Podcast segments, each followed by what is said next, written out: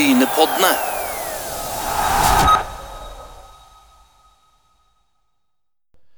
Så utrolig kjekt at du har funnet Brynepoddene på din podkastspiller. Og i dag så er det Stian Røisland som er vår hovedgjest, eh, Asgeir. Og det skal bli spennende å høre på hva den karen har å si, for da gjelder det, da gjelder det håndball.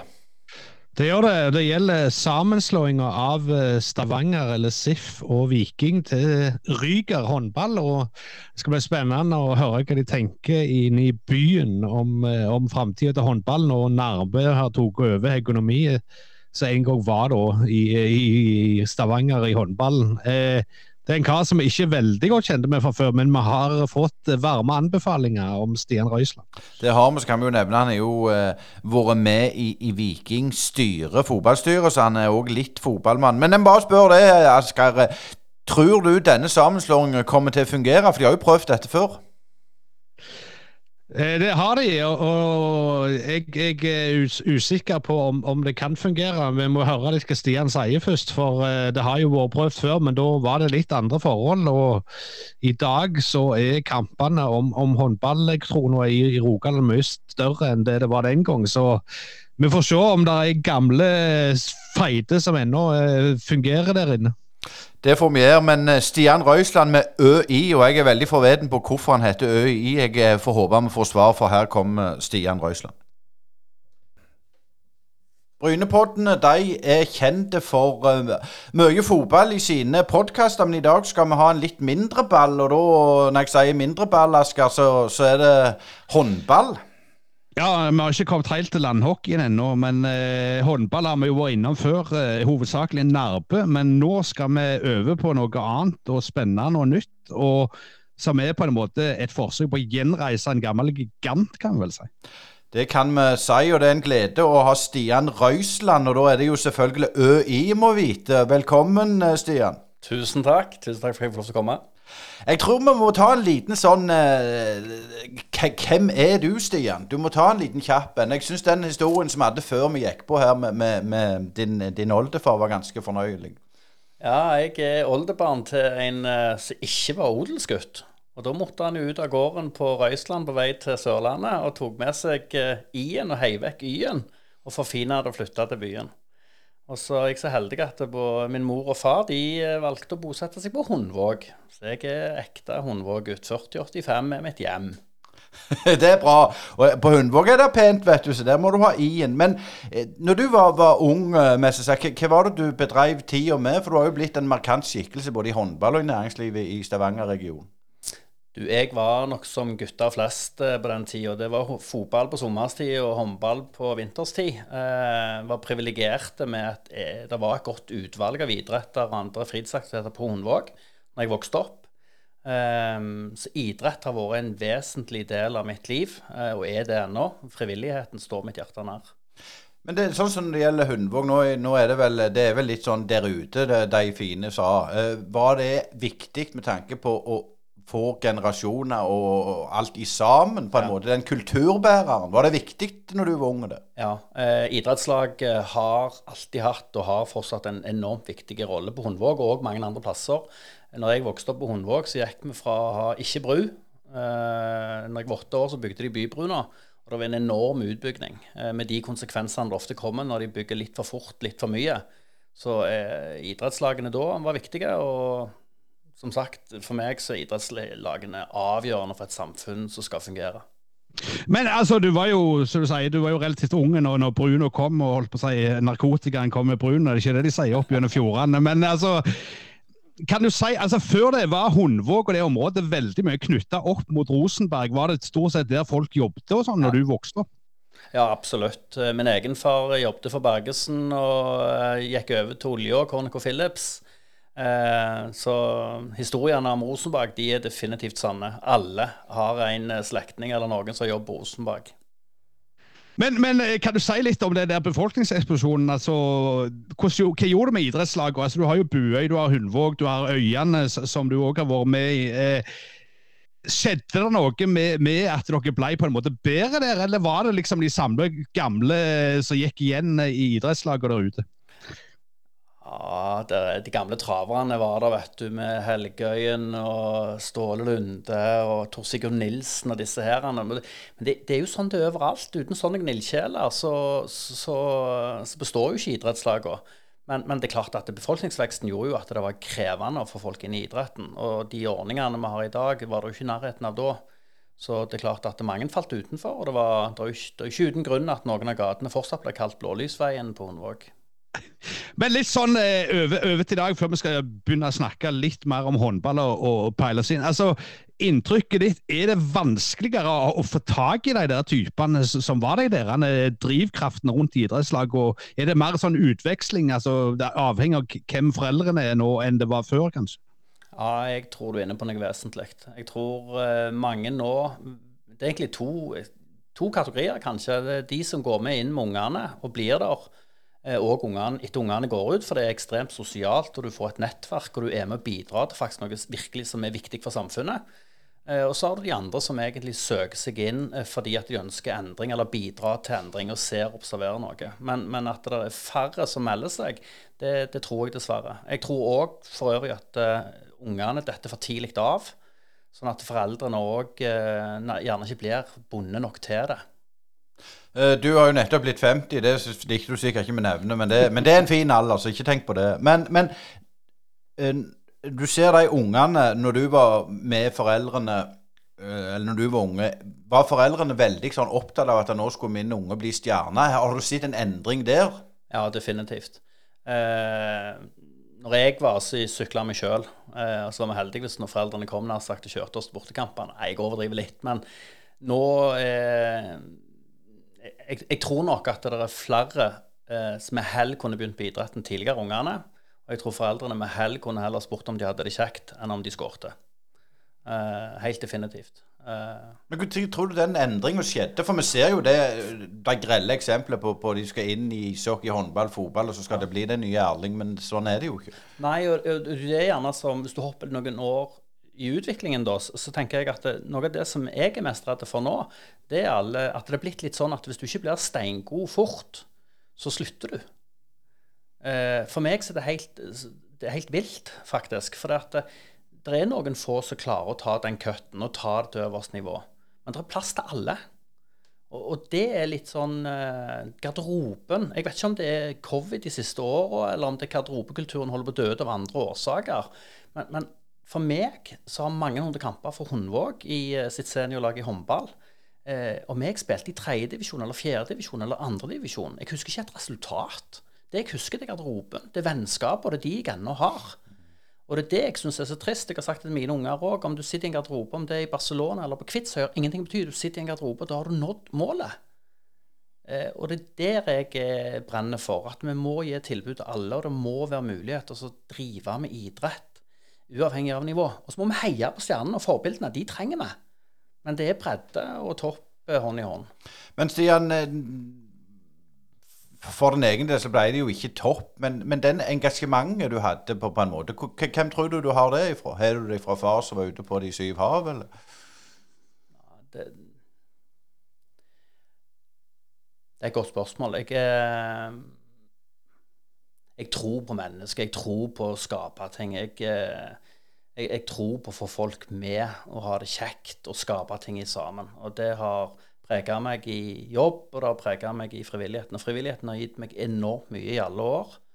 Eh, jeg er evig takknemlig til de som trente oss og sto på dag etter dag uten nær sagt heder og ære. Eh, og det er det jeg egentlig har lyst til å tilbake til betale tilbake igjen og være en del av. Uh, så, så, jeg vet ikke om det er mor eller far, eller om det er noen av trenerne som sto på, eller lærerne.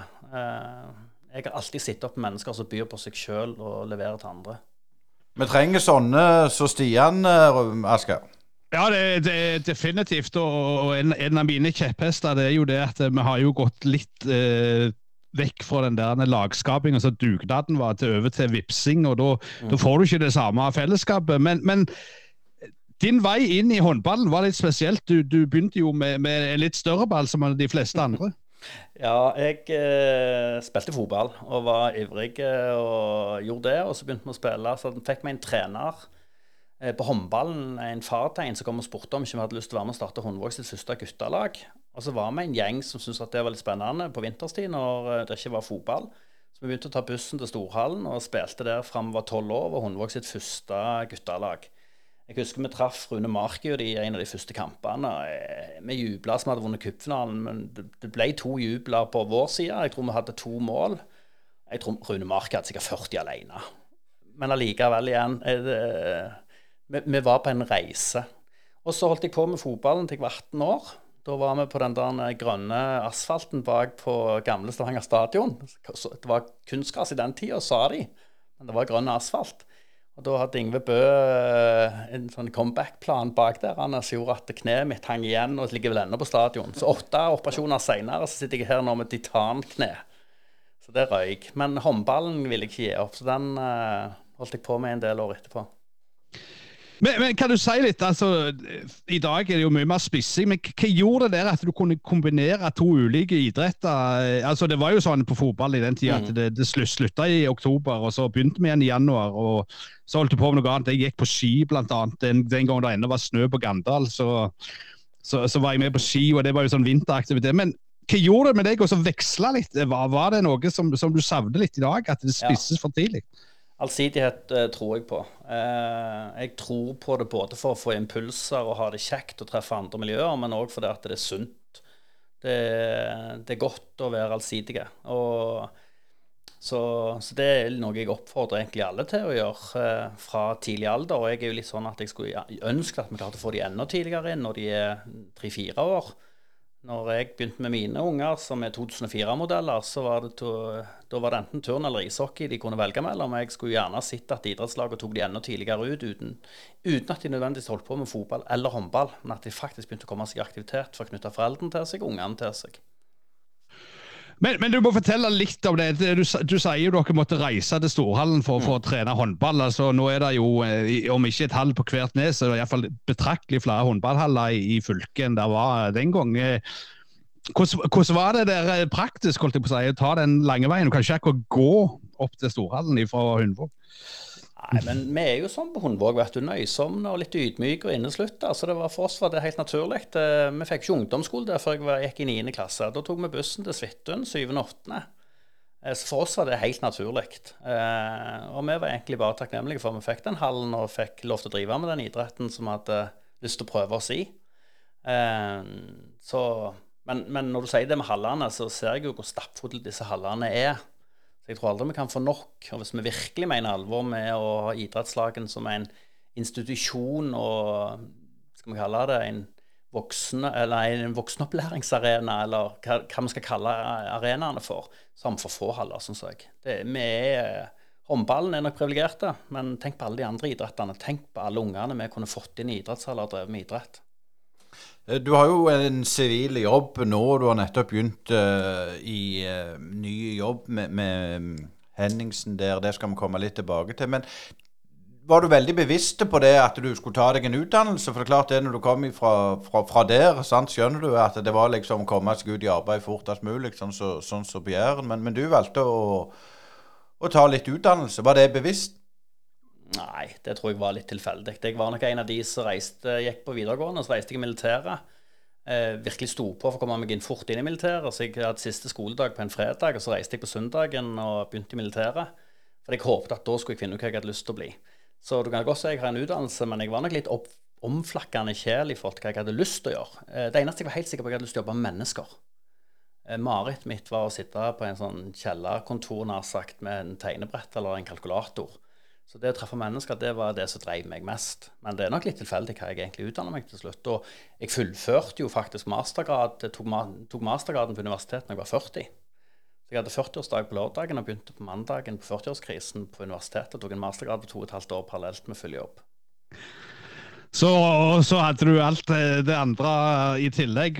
Men det, det var jo en jeg, jeg hørte nylig en, en, en egersunder jeg kjenner, som sa at uh, hvis du skal få utretta noe, så må du gå til de folka der er lys i garasjen klok klokka ti om kvelden. Uh, altså, uh, men, men, litt tilbake til håndballen. altså når du begynner å spille i, i 12-13-årsalderen, der, så, så, er jo Stavanger i, i ferd med å tegne seg inn på, på det mm. norske håndballkartet, og SIF-eventyret begynner. Men sett litt i ettertid, hva tror du som gjorde at det, den dominansen som Stavanger hadde i håndballen, på en måte forvitra? Ja, Det må nesten andre uttale seg om. Eh, men, men, jeg tror det handler litt om dette med ildsjeler og generasjoner som kommer. Det å bygge eh, stabilitet i organisasjonen. At det er på mange måter kulturen som driver det videre. At det sitter litt i veggene. Vi ser det på Nærbø, som har bygd stein på stein på stein, har vært lojale til planen, og de opprettholder den planen. Eh, så det skjedde nok på et gitt tidspunkt så, og det ser vi jo i andre store idrettslag i regionen. Eh, når suksessen uteblir et år og to, så begynner du å ta shortcuts. Hvis jeg bare får han spilleren, hvis jeg bare får til det, så det store navnet, så skal det nok gå godt igjen. Eh, men som sagt, jeg skal være litt forsiktig med å påstå for mye på SIF sin eh, så jeg er nok På generell basis nå så tror jeg det er ei felle å gå i. Men, men sånn, altså, du, du, har jo hatt tilknytning til Viking håndballklubb. Eh, eh, men, men, altså, det skjedde jo litt av det samme med Viking òg etter hvert, eh, som det hadde gjort med SIF. At det gikk fra å være en, en, en faktor i norsk håndball til å bare plutselig var det liksom ikke håndball igjen i Stavanger, omtrent iallfall ikke på, på toppnivå.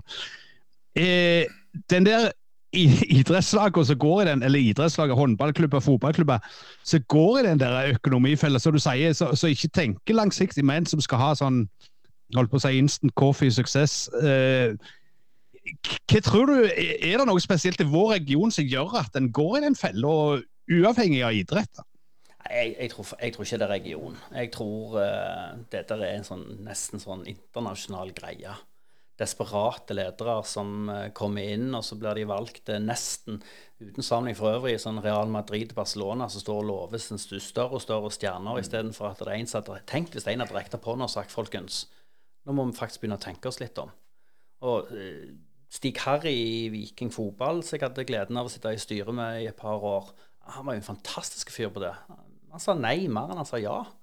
Fordi det var det rette for klubben i langsiktig og ikke, sant, ikke bruk penger vi ikke har. Og det var jo det som jeg opplever nå i håndballen, at uh, jeg kom inn i et uh, vikingstyre der uh, ildsjeler, Svein Aksel og Tor Henrik og Stina, de som har sittet der i flere år, har sittet på styremøter og sagt nei, med den konsekvensen at de har rykket ned to nivå. Da skal du være modig. Da skal du vite hva du holder på med, og være trofast til det.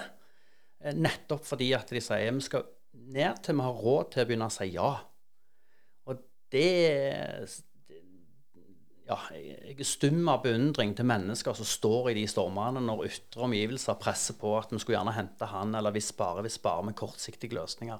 Men, men, Nå ser vi jo at Øygarden gikk konkurs i, i Post Nord-ligaen i fotball herre. Da tenker jo jeg Hvordan i holeste er det mulig? Ja, du stiller et godt spørsmål. Jeg satt i en klubb der vi rykte ned uh, i kvaliken og tapte mot et lag som viste seg nå i etterkant hadde brukt penger de ikke hadde. Så sitter vi der og vet at vi faktisk ikke har vi ikke penger. Så går vi til gode samarbeidspartnere, så låner vi biler, og så ber vi spillerne kjøre de åtte timene sjøl. Og mobilisere for at de skal gjøre det. Og de er helt innforstått med det. Og så spiller vi mot et lag som er økonomisk da egentlig burde sagt nei, tar plassen vår. Og så tenker jeg det er, Vi kan ikke gjøre noe annet enn å brette opp armene. men, men er det da regelverket som er feil? Ja, Det er et godt spørsmål. Eh, nå får vi jo se hva konsekvenser det får. Eh, problemet er jo det at eh, det er for seint for oss. Det gir jo ikke meg glede av at noen andre får en straff i etterkant. Jeg ser våre gutter jeg, som sto på og gjorde tinga, og så er det andre som gjorde det på andre måter. Eh, og vant på det. Eh, og det tenker jeg er litt av greia nå òg. Viking eh, og SIF, når vi nå fant de sammen, så skyldes jo ikke det denne gangen desperasjon. Men det skyldes jo modige ledere som står opp og sier at vi har en stolt historie. Men vi må faktisk, hvis vi skal mene alvor med ambisjonene til denne regionen, så må vi faktisk slå oss sammen og forene gode krefter. Og det er det egentlig det handler om for meg. Eh, men Viking og Sif har jo prøvd eh, dette før eh, rundt eh, årtusenskiftet, mm. og, og, det gikk ikke så godt. Eh, hva eller har Viking og SIF vært litt sånn som så de der to gamle naboene som driver og flytter litt på grensesteiner liksom, og aldri kan bli enige og har krangla i generasjoner? Ja, og kanskje den uh, første gangen de slo seg sammen, så var det vel en uh, Jeg tenker at da gjorde de det for at begge to drømte om Fordums storhet. Uh, og det var jo riktig. Problemet var jo at de ikke helt, helt, helt var enige om alt. Denne gangen så måtte vi ikke gjøre noen ting, men vi ser det riktig å gjøre det. Og klubbene er gjeldfrie. Eh, vi har et enormt innslag i regionen av lokale talenter. Altså SIF og Viking har i år hatt landslagsspillere på alle yngre landslag. 06, 05, 04, 03. Det er det lenge siden har skjedd. Blant annet din sønn Jesper. Ja, han er en av de. Mm. Men man må litt sånn, det må man bare skyte inn litt. Hvordan er det det når du ser din egen sønn et, han, han, var ikke på Vestbanen og spilte, han, for å si det sånn, for han har begge knærne i orden. Nei, men gutten var flink i fotball. Han har debutert for Rogalandslaget på Alfheim eh, mot eh, Tromsø sitt eh, regionslandslag. Eller kretslag, eller hva de kalte det for. Så han var flink i fotball òg, eh, og måtte ta et valg. Og det kom rett og slett fordi at når han ble 16 år, så var treningsmulighetene både på fotball og håndball fem-seks ganger i uka. Han hadde lyst til å begynne på TMT på Sandsvittun, og da har de morgentreninger i tillegg. og da Kabalen gikk ikke opp lenger, så han måtte ta et valg. Eh, han valgte håndball, og tvillingbroren valgte fotball. Men litt det, Vi hadde jo Gunn Rita Dale her, og hun sa jo det at det vikt, eller mye av det viktige i, i idrett på toppnivå var faktisk å hvile nok. For det er klart Når du nevner de treningsmengdene der, så kan det kan bli for mye. Ja, og der er vi jo, det er jo Der må jeg jo si at sånn så Joar Gjerde på TMT, altså Svithun, det er måten de fyller opp eh, guttene og jentene på der i forhold til å sikre den totalbelastningen og sikre at de ikke spiller på for mange lag. Og det er jo òg innført regler nå faktisk på håndball hvor mange lag du har lov til å spille på, eller hvor mange kamper du har lov til å spille. Eh, Jesper er privilegerte. Eh, A-laget til Viking har trent rett etter skolen. Så han har morgentrening og rett etterpå og kan gå hjem og legge seg. Det gjør han òg. Så han er veldig dedikert på akkurat det med rehabilitering. Eh, men, men, rehabilitering, altså hvile, er steinviktig. Nå, nå, var jeg ute, ute, ute av manuset, Asker. Det var jo Viking og SIF vi egentlig snakket om.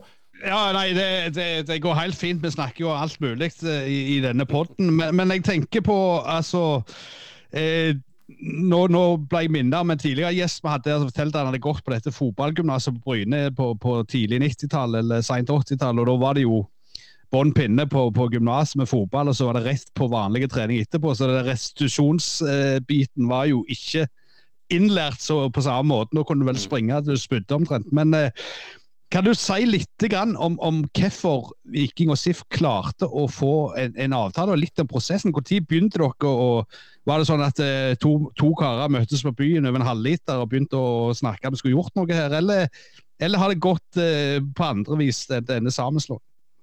Jeg tror det henger sammen med realitetsorienteringen. At det, er mennesker som sitter der som er genuint glad i håndballen og glad i regionen. Og det begynner litt der. Altså de, de de er ikke der av egen vinning.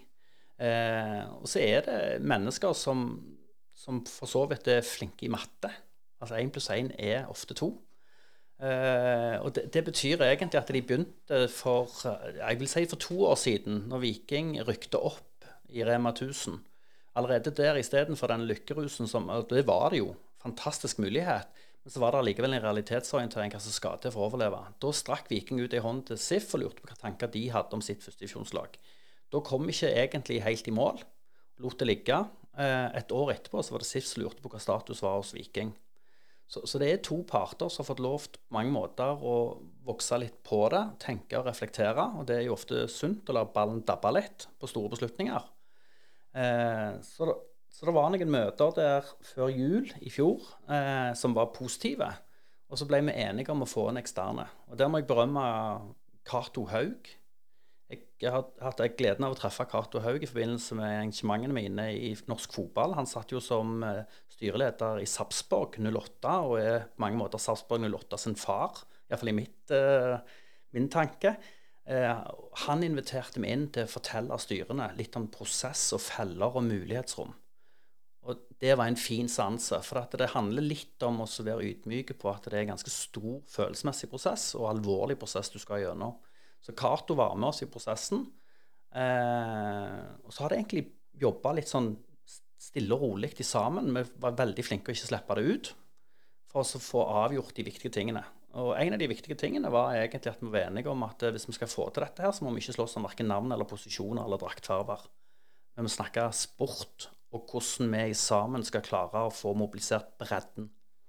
For Det var en ganske tidlig erkjennelse vi gjorde, at vi har ingen rik onkel. Vi har ingen stor industribedrift som står bak oss. Så vi må mobilisere bredden. Vi har 21 klubber i eh, vår region, for å bruke det ordet, da, rundt eh, byen, eh, som sokner til oss. Uten de så klarer vi ikke dette. Så vi har jobbet enormt mange måneder nå med å snakke med klubbene hva vi kan gjøre som klubb for å bidra til dem, hjelpe dem for at de skal rekruttere mer barn og unge til håndballen og beholde dem der. Eh, og det erkjenner vi. Det er suksessfaktoren vår. Vi skal være en klubb for regionen, lagd av spillere som kommer fra regionen. Det er vår suksess. En av de grepene vi har gjort nå, det er at vi har inngått samarbeidsavtaler. Vi jobber nå med alle klubbene. Når Hundvåg, Forus Gausild og SIF er de første tre klubbene som går på Så det betyr at alle de som spiller håndball, de klubbene jeg nevnte, får sesongkort på Ryger. Inkludert i sitt medlemskap. Det betyr at vi allerede har egentlig nesten 2000 sesongkort ute. Og så kan alle disse oppgradere de til familiesesongkort for 400 kroner. Så for 400 kroner kan hele familien gå og se Ryger spille topphåndball. Så, vi, har, vi, har, på mange måter hatt sånn idédugnader med disse klubbene. Og det er suksessen. Eh, involvering og lytte til andre.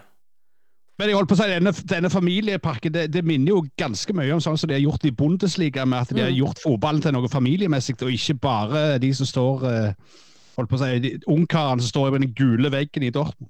Ja, du har, du har, helt rett, og det er spot on. Og det, det er sånne ting vi ser på. Hva har de gjort? Så nå diskuterer nå skal vi lage en ny drakt, og vi skal gjøre den tilgjengelig for supportere med navn på. Altså Vi har masse kreative. Vi har klart å få en sånn skaperkraft hos klubbene der de bryr seg om Ryger og det å fylle tribunen. Og det er klart, eh, Nå så jeg nettopp en sånn tilskueroversikt. Vi er klart hø høyest tilskuersnitt i førstedivisjon. Og vi ligger faktisk på niendeplass i Norge. Altså åtte elitelag ligger foran oss. Og og det sier noe om hva mulighetsrom vi har bare på ett år at vi har klart å skape dette. At det er 1000 mann og ser på oss i siste kampen mot eliteserielaget Kristiansand. Eh, det sier mye om potensialet og den sovende. Så jeg òg drømmer jo om å, Hva er mulighetsrommet i Stavanger? Hvis vi klarer å mobilisere de barn og unge. Og på de 1000 enormt mye unger. De får trommer av oss, de får bjeller av oss, de synger. Og spillerne står etterpå og signerer og tar selfies og er popstjerner. Og det trenger vi. Vi trenger forbilder, sånn at disse ungene står i håndballen. Eh, hvis vi ser litt på fallgruppe, for det er det jo alltid en stor sammenslåing Disse uh, ihuga gamle Sif og Viking-legendene, uh, hvordan har dere håndtert det for at det har vært misnøye? Det vil jeg tro. Ja, jeg vil si nei. Det har, det har vært noen som har ment noe om navnet. Men jeg, har, eh, jeg er kjempepositivt overraska over den støtten vi har fått. Eh, de òg ønsker det vi sitter og snakker om nå. De ønsker håndballen tilbake igjen på kartet. Eh, så jeg vil si at noen av de største profilene vi har hatt, har vi fått lykkeønskninger for. Og et spørsmål om hva de kan gjøre for å bidra, for å hjelpe oss. Både på SIF og på Viking. Så jeg opplever en stor positivitet til dette. Og vi merker jo òg at sånn som Nærbø heier på oss. Dette er jo med å bidra å løfte håndballen som kommersielt produkt. Når jeg ser hva Nærbø har fått til, hva årskull de har gjort, og hva de har jobbet målretta for å få den nye loen til å bli den eh, skal vi kalle det arenaen, det er helt fantastisk. Og jeg var sjøl og så eh, når de spilte nå i Europacup i DNB Arena. Helt fantastisk. Så det å være med og bidra, heie på Nærbø, heie på Sandnes, heie på Hundvåg, FKI, SIF, Viking og Ryger, da lykkes håndballen. Hvis vi begynner å heie på hverandre, lufte håndballen som kommersielt produkt. Men, men, du nevner Nærbø, og, og en vet jo holdt på å si, at veien eh, fra Stavanger til Nærbø er mye lenger enn Nærbø til Stavanger, sånn mentalt for folk. Men hva, hva har Nærbø sin suksess gjort med håndballen i Stavanger, vil du si? Ja, min egen sønn satte seg på toget hver fredag. Fikk lov av O-fagslæreren å snike seg ut et kvarter før for å nå bussen. Mot at han alltid hadde stilt forberedte timer og gjort leksene. Tok toget til Nærbø hver fredag for å få lov til å være med og trene med det jeg vil si Norges beste 04-kull som var på Nærbø. Eh, det gjorde han i et år. Eh, så det er ikke lenger til Nærbø. Altså, tilby eh, Nei, jeg heier på det Nærbø har fått til. Jeg må si det. Men dere, når dere får en ny trener til, til Ryker nå, så er det jo et, eh, med all respekt, og et, et uskrevet blad. Eh, Fortell litt om den prosessen, og, og hvem og hvorfor det valget. Ja, nå, det er jo nå jeg må si da veldig tydelig at min oppgave i styret ikke på spillerfront og trenerfronten. Så der er nær sagt får jeg vite det samtidig som resten av styret når det ting er beslutta. Men det er sagt, da. Eh, Morten eh, egentlig kom til intervjuet eh, så, så forberedt som ingen har vært før. Altså, jeg, min egen filosofi òg. Jeg velger hver dag mennesker som vil, kontra de som snakker om hva de kan. Eh, Morten hadde stålkontroll på vår egen tropp, på konkurrentene sin tropp. Eh, tydelige tanker på hvordan han har lyst til å spille håndball. Tydelige tanker hvordan han har lyst til å involvere breddeklubbene og regionen og bygge et lag over tid. Eh, så, så jeg vil si at uh, Morten er på mange måter, syns jeg, litt sånn friskt det Ryger skal stå for. Eh, omdømme, økonomi og sport i den rekkefølgen. Det å satse på unge talenter, som vi nå gjør, det å lufte unge talenter òg på trenersida, tror jeg er en viktig signal å sende. Han er ekstremt tydelig på at de som kommer til Ryger, de skal bli satsa på og få lov til å utvikle seg som individer, som mennesker og som i laggrupper. Eh, så, så ja, eh, ubeskrevet blad, men jeg tror det skal være litt av kjennetegnet vårt. Eh, uten sammenligning for øvrig, Viking fotball med Batty og Morten Altså det å altså hvis ikke vi tør å satse på unge, hvem skal da gjøre det? Og så er det jo det unektelig sånn at unge ofte har eh, nye ideer, og de gamle går i samme samme lesten som de alltid har gjort. Men, men kan du si litt, grann, altså, det, det er litt fascinerende. Altså, har eh, covid hatt noen effekt på rekrutteringa og håndballen i Stavanger? Altså, er det mye folk som har falt av på disse to årene, eller har dere klart å seile gjennom det ganske greit? Nei, eh, jeg tror bare vi har sett eh, Dessverre så kommer dette til å få enorme konsekvenser, frykter jeg. Det er altfor få 20-åringer som spiller nå håndball. Eh, jeg har sjøl sittet og sett på gutter som i covid eh, spilte kamp på lørdagen og var 19 år, hadde bursdag og ble 20 år på søndagen, og på mandag fikk de ikke lov til å trene med oss. Ingen av de er tilbake igjen. Eh, det, det er på en måte positivt for de unge som kommer nå, for de får lov til å prøve seg på et høyt nivå ganske tidlig. Men, men jeg savner 20-åringene på håndballbanen. Det er den ene delen av det. Den andre delen er jo de unge, som ennå ikke vet helt. Men, eh, men, jeg håper virkelig, som jeg nevnte innledningsvis, at eh, vi klarer å mobilisere foreldrene og idrettslagene. Og at politikerne, altså administrasjonen, gir oss treningstiden som skal til, sånn at vi kan mobilisere òg fire-, fem- og seksåringer og bygge opp store kull med håndballspillere. Men, men, du nevnte jo litt her òg at dere har jo eh, gått ut til, til andre klubber eh, mm. som ikke bare er Viking og SIF, og, og prøver å skape et engasjement. Eh, dere gikk òg ut med navnekonkurranse i avisa, som var litt smågenialt for, for, å skape litt der.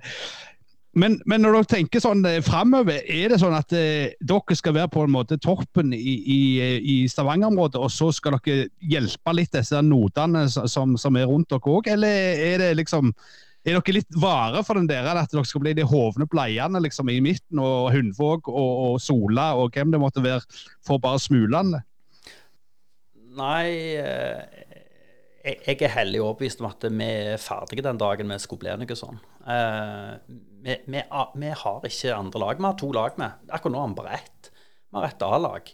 Og så har vi en ambisjon om at SIF sitt eh, tredjedivisjonslag skal rykke opp fra tredje til andredivisjon. Da blir det renama til Ryger, og da blir det rekruttlaget vårt. Og så skal vi inngå samarbeidsavtaler med klubbene i distriktet, for sånn er heldigvis håndballreglene. At eh, du kan spille på Hundvåg i fjerdedivisjon. Er du god nok for å få lov til å prøve deg på Ryger i andredivisjon, rekruttlaget, så kan du det. Og du kan òg spille på A-laget Ryger hvis du er god nok. Så, så, vår intensjon er å holde ungene lengst mulig i sine morklubber. Være med å skape grobunn, sånn at det er gode lag som spiller rundt i regionen med hverandre. Men vi skal avtale oss at de kan spille opp. Eh, men det er kun de lagene vi har. Så vi er jo i det øyeblikket vi begynner å skal vi kalle det, herpe det til for oss sjøl, rote det til, så er vi ferdige. Og det syns jeg er helt topp. Ryggen mot veggen. Og så må vi være igjen omdømme, økonomi og sport i den rekkefølgen. Så hvis vi tar beslutninger, så tar vi det først med omdømme. Tenk det først. da har det en tendens til å gå ganske godt. For de nye lytterne på podkast og håndball, så er det Morten Moldrup vi snakker om som ny trener. For du sa Norge med Nei, Morten, vi er ikke på en fornavn med han ennå vi, vet du. Så, så men, men, dette med, med omdømme og, og, Norges håndballforbund og sånn, har de vært med i prosessen på, på dette her? Nei, eh, det har de ikke. Vi har brukt eh, andre klubber som har vært gjennom tilsvarende, eh, både fotball og håndball. Forbundet har vi forholdt oss til i forhold til navneprosess, og da spesielt Idrettsforbundet. For det var jo navneprosessen når vi lyste ut navnekonkurransen. Så var vi jo forberedt på ganske skal vi kalle det, forskjellige forslag. Og så var vi veldig bevisste på å lytte de og bruke de. Men vi så òg eh, etter én dag at eh, vi kan ikke sitte med alle følelsene våre i styrene. Så der fikk vi tak i et team på fire eksterne ressurser, dyktige mennesker som jobber med nær sagt merkevare og profil. Og så lot vi samle med de i et rom, og lot de være egentlig rådgiverne våre. sånn at det ble veldig faglig orientert. Men forbundet de har vi brukt i forhold til de lovmessige tingene i dette, for å sikre at vi gjør alt i henhold til boka. Ja, og For de som ikke har lest eh, Snorre, så er jo Ryger de gamle holdt på å si, vikingættene som herja Ryfylke under den tid. Men dere håper jo å herje litt på håndballbanen. Men kan du si litt, du som har vært aktiv i, i, ulike prosesser rundt idretten. altså, Det er jo et ekstremt gap å være toppspiller i håndball og fotball med tanke på inntekter, økonomiske muligheter. Eh, hvordan føler du den der vektinga der er i, i norsk idrett generelt? Ja, det Fotballen er jo et eh, altså verdens, altså iallfall Europas største idrett. og eh, Så ære være hva de har fått til. Og jeg tenker at vi bruker energien på å lære av de beste. Eh, jobbe knallhardt for å få folk til å komme på tribunen. Kommer folk på tribunen, så har media en tendens til å våkne opp. Eh, våkner media, så kommer òg næringslivet. Eh, og så blir det sånn en god sirkel. Så vi fokuserer nok mest på det. Eh, og så er det sånn at det er iallfall ikke et sånn stort skifte spillerne våre gjennom. De er vant med å måtte jobbe knallhardt. De er studenter og jobber deltid utenom. Eh, vi har ikke råd til å kjøpe de fri på dagtid, så de kommer rett fra jobb på skole og går på trening. Eh, og det er i beste fall lommepenger de får eh, for å drive idretten sin. Eh, så får vi i Ryga være så gode at vi skaper gode mennesker med gode opplevelser. Og kanskje de beste kan ta steget ut til Tyskland eller eh, Danmark. Eller Nærbø. Ja Nei. det er jo en av de tingene som jeg håper virkelig og vi brenner for å få til nå. Stavanger eh, håndballen har hatt kjempemange av, mange av verdens beste spillere kommer fra Stavanger og er ennå aktive. Eh, hva om vi hadde klart å beholde de, de der magiske åra? Hva om vi faktisk klarte å beholde de til de gikk til Tyskland? Eller Danmark fordi at de tok et nytt steg. Eh, jeg, jeg håper at uh, våre gutter gjør det, istedenfor å gå til, til Elverum eller uh, andre klubber. Men ære være de klubbene. Det er mye proffe klubber. så ikke misforstår meg. Og det er riktig for en spiller, så, så skal de gjøre det. Men, men, vi drømmer om å bygge opp disse profilene her hjemme, og la de få en arena å skinne på her. Og men, min drøm er jo at vi har fått Jonas Løke Jonas Løke kommer fra Nærbø, en steinflink Ving 03-er-modell. Kommer til Viking, imponerer på trening, eh, blåser bokstavelig talt av banen første kamp. Seks måneder etterpå ble han tatt ut på, som debutant på lands U02-landslaget. Eh, altså For meg så da, da, da, på mange måter er vi på rett vei. Da har vi gitt han en arena å skinne på, og så lykkes han. Fantastisk. La oss gjenskape det mange ganger, tenker jeg. Eh, når du nevnte det som Asgeir var inne på med fotball, håndball og økonomiske rammevilkår. Du var jo sittet i Vikingstyret fra 2017 til 2019. og da da, da, for å si det sånn, Før den tida i Viking fotball så visste de ikke at én pluss én ble to. Nei, og der eh, Stig Harry Christensen. Altså, han eh, Jeg er så glad og ydmyk for å fått lov til å sitte i et styre og lært av han. Eh, for det var sammenlignbart med det som òg eh, Tor Henrik som styreleder i Viking håndball har leda Vikingkluter gjennom. Det var styremøter det handla om å si nei, og egentlig rydde opp etter skal vi kalle det, eh, fortiden. Eh, så det var tøffe tak, og det endte jo òg med nedrykk. Eh, og så vil jo historien vise at eh, det gikk jo godt til slutt, nettopp fordi at de tok lærdom av det og, og brukte ikke penger som ikke fantes. Bygde stein på stein igjen og rykte opp året etterpå. Men eh, så, så, det gjelder alle idretter. altså du, du, ja, Om du gjør stor omsetning Det er ingen selskaper som går konk på omsetning, de går konk på likviditet. Alle som har eh, lest litt norsk økonomisk historie, vet jo om, om mandalitten Søren Jåbek, som alltid som ble kalt Neibek, som alltid sa nei. Men, men trenger idrettslag en sånn Jåbek-type i styret? Ja. Eh, helt ubetinga ja. Eh, det fins en haug med sånne som meg, som bare ser muligheter og tenker at alt er mulig hvis vi bare, hvis vi bare, og pågangsmot og alt dette. Og det er kjempeviktig egenskap i et styre. Men definitivt så trenger vi òg en sånn en som sier faktisk at uh, nå må vi tenke oss om en ekstra gang, la ballen dabbe. Har vi råd til det? Hva er konsekvensen hvis det ikke? Og det er sunn økonomisk styring. Ikke bruk penger du ikke har. Men, men dette, du, du, nevnte dere hadde inn en kar fra Sarpsborg 08, som er jo sammenslåing av to Sarpsborg-klubber som hadde rivalisert der og, og vært på en måte tredje-fjerde-klubben i Østfold i sin tid. Ja, 16 klubber, faktisk. Ja, akkurat. Men, men, altså det der å hente inn folk utdannede og, og, få noe sånn input fra en annen kant av landet, og ikke bare gå opp i, og snakke med Jøggan eller, eller, eller, Hansen der er, er, er, det noe som, som, du brenner for, det der, å hente liksom sånne eksterne som ikke har på en måte noe historie i området, eller, eller, eller liksom kompis med gamlesjefen og sånn? Ja, jeg tror det er avgjørende. For det, det, gjorde at vi fikk to styrer som tok et eierskap til historien sjøl. Et eierskap til beslutningene. På mange måter så ble følelsene med i beslutningsunderlaget, men du får fakta, du får andre til å fortelle sin situasjon, og så klarer du å Du, du får en helt annen erfaring. Altså faktabasert, det, det er jo et hell... Altså, fakta dreper jo man ganske mange kule diskusjoner.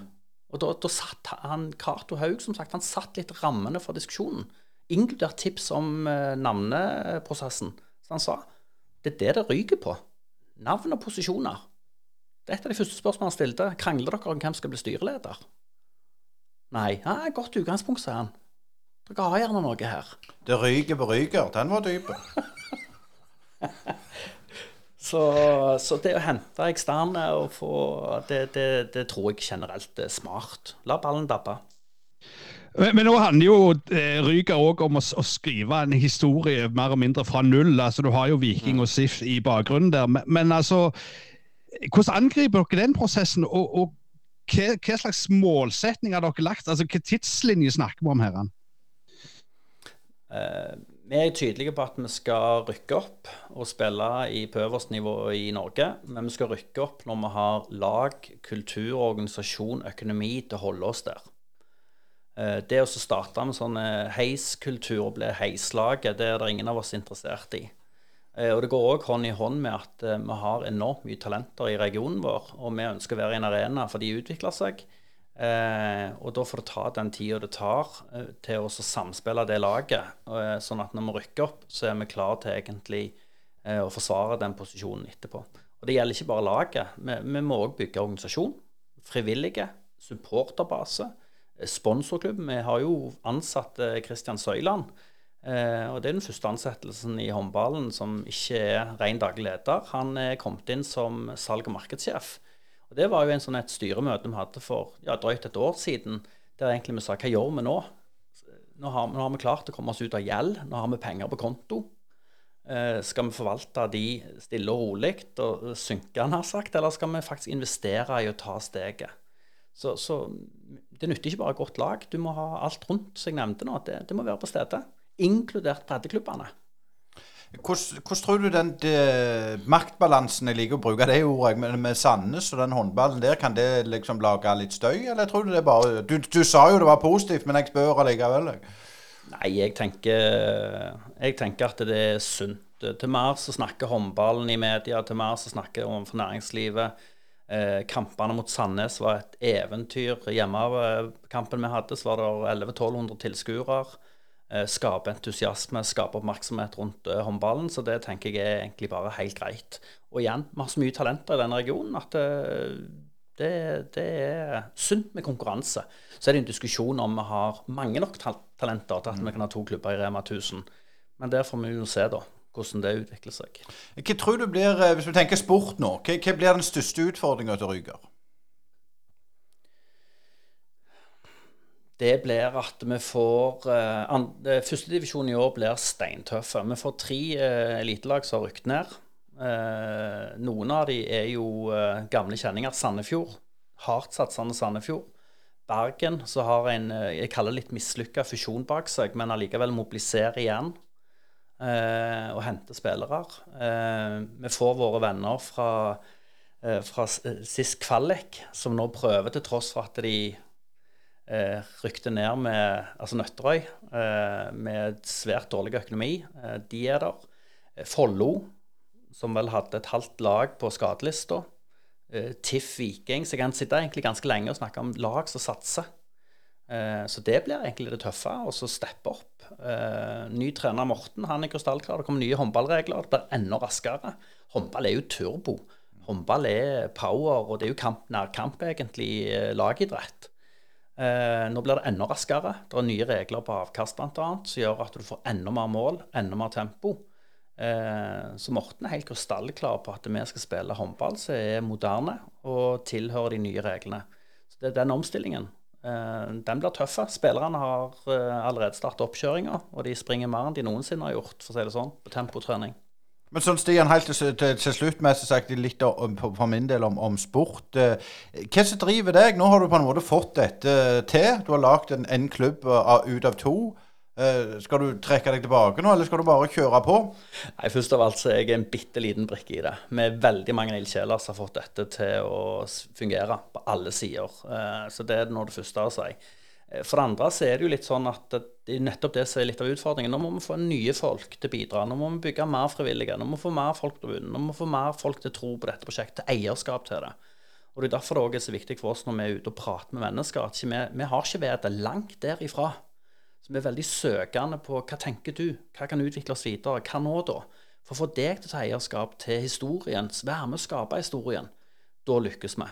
Eh, hvis dette hadde stått og falt på én ressurs, så hadde jeg vært livredd. Og det gjør ikke Ryger. Dette er enormt mange mennesker som står bak som heiagjeng.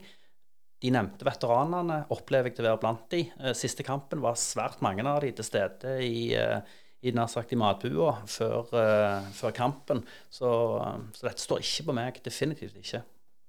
Eh, men en annen ting som er, som er forskjellig fra, fra holdt på å si, gamle SIF og, og, Viking, er jo det at eh, norsk herrehåndball er jo blitt en sånn internasjonal eh, suksess. Eh, de spiller mot de beste. Når SIF var gode på 80-tallet, så var jo Norge en sånn B-nasjon i håndball som lå et, et, mil bak Sverige og, og Sovjetunionen den gang. og sånn. Men, men, altså, gjør det òg at håndball er, er det derfor det er så mye satsing? fordi at det, herrehåndballen har på en måte blitt kul. Mm. Sånn så, litt sånn som damehåndballen var da på, på, på slutten av 80-tallet osv. Nei, du, du er spot on. Eh, og så hjelper det jo selvfølgelig når vi ser eh, eh Kolstad som går tungt inn, eh, henter stjerner tilbake igjen. TV 2 går inn eh, på TV-avtalen. Eh, det er jo Norges klart annet største idrett. Vi ser I Tyskland så er det enkelte byer som har større håndballinteresse enn fotball. Eh, det var 16 500 tilskuere nå på, Larvik, eh, nei, på Vipers-kampen nå i helga, eh, når de spilte Champions League. Og så er det et annet fenomen òg som er på gang, vet du. Nå flytter vi igjen tilbake til byene. Nå er det spennende satsing i Trondheim, det er spennende lag i Oslo, Kristiansand, Bergen, Stavanger. Så det er vilje til å satse. Så det flytter seg litt ut av skogene nå, litt ut fra Elverum. Jeg vet ikke om dere har vært i Elverum. Det er skog. Det er militærleir og en skog. Så ligger det en halv der heter Terningen. Og, og, det er klart at ære være for det de har fått til, for de er Norges klart beste lag. Eh, men nå er det byene som har anledning med næringslivet og befolkningen til å vise at eh, vi òg mener alvor. Men, men litt eh, til avslutning fra, fra, min kant her. altså Du sier byene næringslivet som, som, viser at vi mener alvor. Men altså, vi har jo eh, gode lag i Viking. Vi har eh, Stavanger Oilers. Mm. Eh, dere, dere, prøver å få til noe. Vi har andre lag i regionen som suger inn sponsorer. Sånn. Er det en metning i regionen, tror du? Eller er vi ennå der at vi kan, kan flyte videre og på en måte det er plass til alle? Nei, jeg tror definitivt det er plass til alle. Ære være det Viking og det Oilers får til. De har fantastiske markedsavdelinger eh, som viser oss vei. Eh, og det som er viktig da å tenke på, er at de viser oss vei. De viser at næringslivet, når de går inn og sponser, det er Bryne eller Viking eller Oilers Hvis du mener noe med det, så får du igjen pengene dine. Så det holder.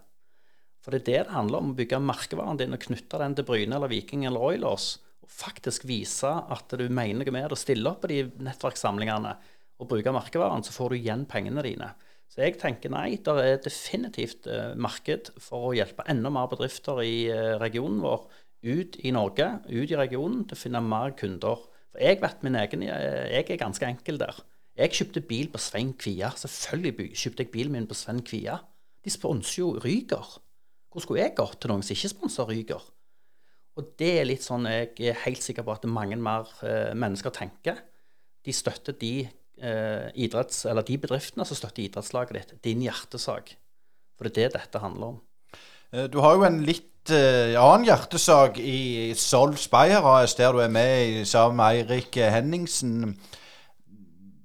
Du må fortelle litt hva, hva, det er for noe? Ja, det går egentlig det samme som jeg snakket om nå. Jeg satt i mange år i Altibox og hadde ansvar for fotballavtalen med norsk toppfotball. Altibox er jo hovedsponsor for norsk toppfotball. Og en av de tingene som vi jobbet knallhardt med i sammen norsk toppfotball, det er å få alle som er glad i norsk fotball, bli en Altibox-kunde, da, for vi støtter norsk fotball. Få den ligningen til å henge sammen. Det er ikke lett. Så for meg så var Spire eh, egentlig eh, den ene delen av meg som er kommersielle. Hvordan kan jeg få hjelpe bedrifter til å selge til fotballfans? Og så hadde jeg den andre sida. Han som sitter i styrer og sittet i styrer i mange år i idrettslag og sliter seg nesten ut på å få bedrifter til å støtte eh, idrettslaget. Så Spire er å støtte din hjertesak. Og det er ganske enkelt, egentlig. Du registrerer deg, laster ned Spire-appen. Du eh, legger inn eh, bankkortet ditt. Og så velger du hjertesak blant 125 000 eh, frivillige i Frivillighet Norge. Og Det kan være Sykehuset i våre hender, eller det kan være Kreftomsorg Rogaland. Det kan òg være Bryne fotballklubb. Og Når du går og kjøper deg en burger på The Shack på Bryne, så støtter du faktisk Bryne fotballklubb med 4% av det du har kjøpt, og du får 4% sjøl. Koster deg ingenting. Men det Shack har sagt Hvis de som heier på Bryne, kommer og kjøper burger hos meg, selvfølgelig skal jeg ta og støtte Bryne og støtte deg. For nå tar jeg ikke og i avisa eller bruker andre kanaler. Så du støtter din egen hjertesak. Og det var det jeg egentlig starta. Eh, Skaffe inntekter til frivilligheten. Av folket. Vi, vi, må jo, vi, må jo, skyte inn at burger er jo ute på Bryne, og det er jo bare farser det går i. Men, men altså, eh, det, jeg skulle, det, det, jeg skulle, spørre deg om helt til slutt er Du snakker frivill, om frivillighet og sånn. Ja. Tror du det er en måte å få litt tilbake av den der gløden og frivilligheten som en en gang hadde, eller er det bare vips framover?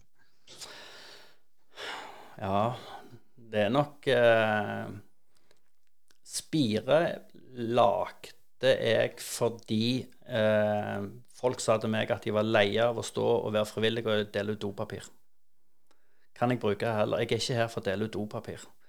Eh, så, så, jeg tror nok eh, du er inne på noe i forhold til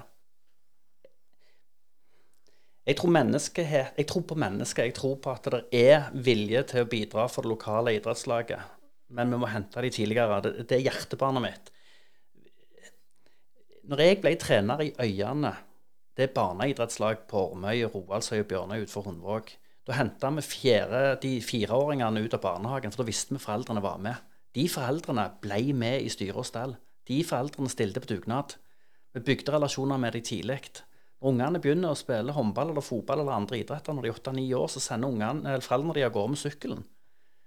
Så, så jeg tror på at frivilligheten kan blomstre igjen. Men jeg tror vi er nødt til å ta inn over oss at vi er nødt til å begynne med de yngste ungene og få de, få de aktivert. Men få med foreldrene og aktivere de. Eh, jeg nekter å gi meg. Jeg er helt sikker på at frivilligheten kan blomstre igjen på dugnadsnivå. Nærbø for eksempel, de, og hele Jæren er jo forbilledlig i forhold til hva vi får til i byen. Men igjen, jeg tror bare det er, vi må bare gjøre de rette grepene og ikke gi opp. Stian Røystand, det var utrolig gildt du tok deg turen ut til Jæren og Brynepoddene. Tusen takk for at du stilte opp. Tusen takk. Du hører på Brynepoddene, og vi må selvfølgelig ikke bare snakke om Stian Røisland, for det har vært cuprunde. Og jeg var jo på Lassa og så at Bryne slo eh, Vida 3-1. Og Vida var gode i første omgang. Eh, det var de. Eh, det knappa jeg så av første, så virka det som Vidar eh, kjørte ganske godt. Jeg var i halvdøsen da, men i andre omgang så virka jo Bryne som de fikk litt mer krutt i maskineriet. Så må vi jo si litt, Nå er jo Kongsvinger ute, og mens vi snakker nå, så, så pågår jo denne andre runden. og Den der cupfesten som var tidligere, er på en måte dødd litt ut, føler jeg. Jeg vet ikke, Hva tror du det skyldes, og føler du det samme? Ja, jeg er ikke helt sikker på om det var det svære med disse første to rundene. Jeg tror det lokalt på, på småklubbene så tror jeg det ennå det har en viss effekt. Men eh, jeg tror ikke det drar seg til før du kommer i fjerde-femte, eller du får et sånn der hatoppgjør eh, noen plass. Men, men, det er jo klart det at når de har todelt cupen nå, så, så, glemmer du mest at det er cup, før de plutselig skal spille noen kvartfinaler midt i februar. Uh, men uh, det som vi fikk ut av Stian Røisland, det syns jeg var veldig interessant. Og det er jo en reflekterte kar, og der har Ryger virkelig fått en, en mann å, å, spille ball med. Ja, eh, veldig interessant, og, og, det virker jo som de har på en måte lagt et godt grunnlag. og Det skal ikke bare, det er ikke noe oljesjeik-fenomen, dette. De skal bare pøse på penger. Dette skal de bygge gradvis. og og det var en veldig reflekterte mann vi hadde med oss i studio, som òg ser viktigheten av å, å se utover holdt på å si, bare å sole seg i glans, men òg få dra med seg folk fra alle nivåer framover. Det tror jeg er viktig for idretten i den tida som kommer. Og når du sier det, å dra med seg andre med i Brynepoddene, vi setter òg veldig pris på tilbakemeldinger. Og husk, vi liker òg å få støtte på vårt vips nummer som er 610828. 610828. Uten støtte og hjelp fra annonsører og dere der ute, så blir det ingen Brynepodd. Men eh, vi er på lufta, vi, og har vært det i over to år, Asgeir. Og nå skal jo du snart komme en tur til, til, heim, heimen òg. Det skal jeg. Eh, begynner å nærme seg sommerferie, men vi tar ikke ferie for det med. Eh, nå er det rett nok eh, i gang òg med nye runder i Obos-ligaen. Det begynte så vidt det var forrige helg. og, og så er det på en måte full rulle gjennom hele fellesferien. Jeg vet ikke hva jeg syns om det, Øystein. Hva, hva syns du om det? Nei, det er jo dette sikkert det er VM i Qatar som lager surr. og det var jo sånn, sånn Når du ser på kalenderen, så er det full rulle fire-fem kamper i juli. og Nei, Spør du meg, så syns jeg, syns jeg det var bedre før, iallfall. Ja, krabbe og øl. Krabbe og øl. Takk for du hørte på Brynepoddene. Øystein Nygaard og Asgeir Uland takker for følget, og vi er tilbake neste torsdag. Brynepoddene.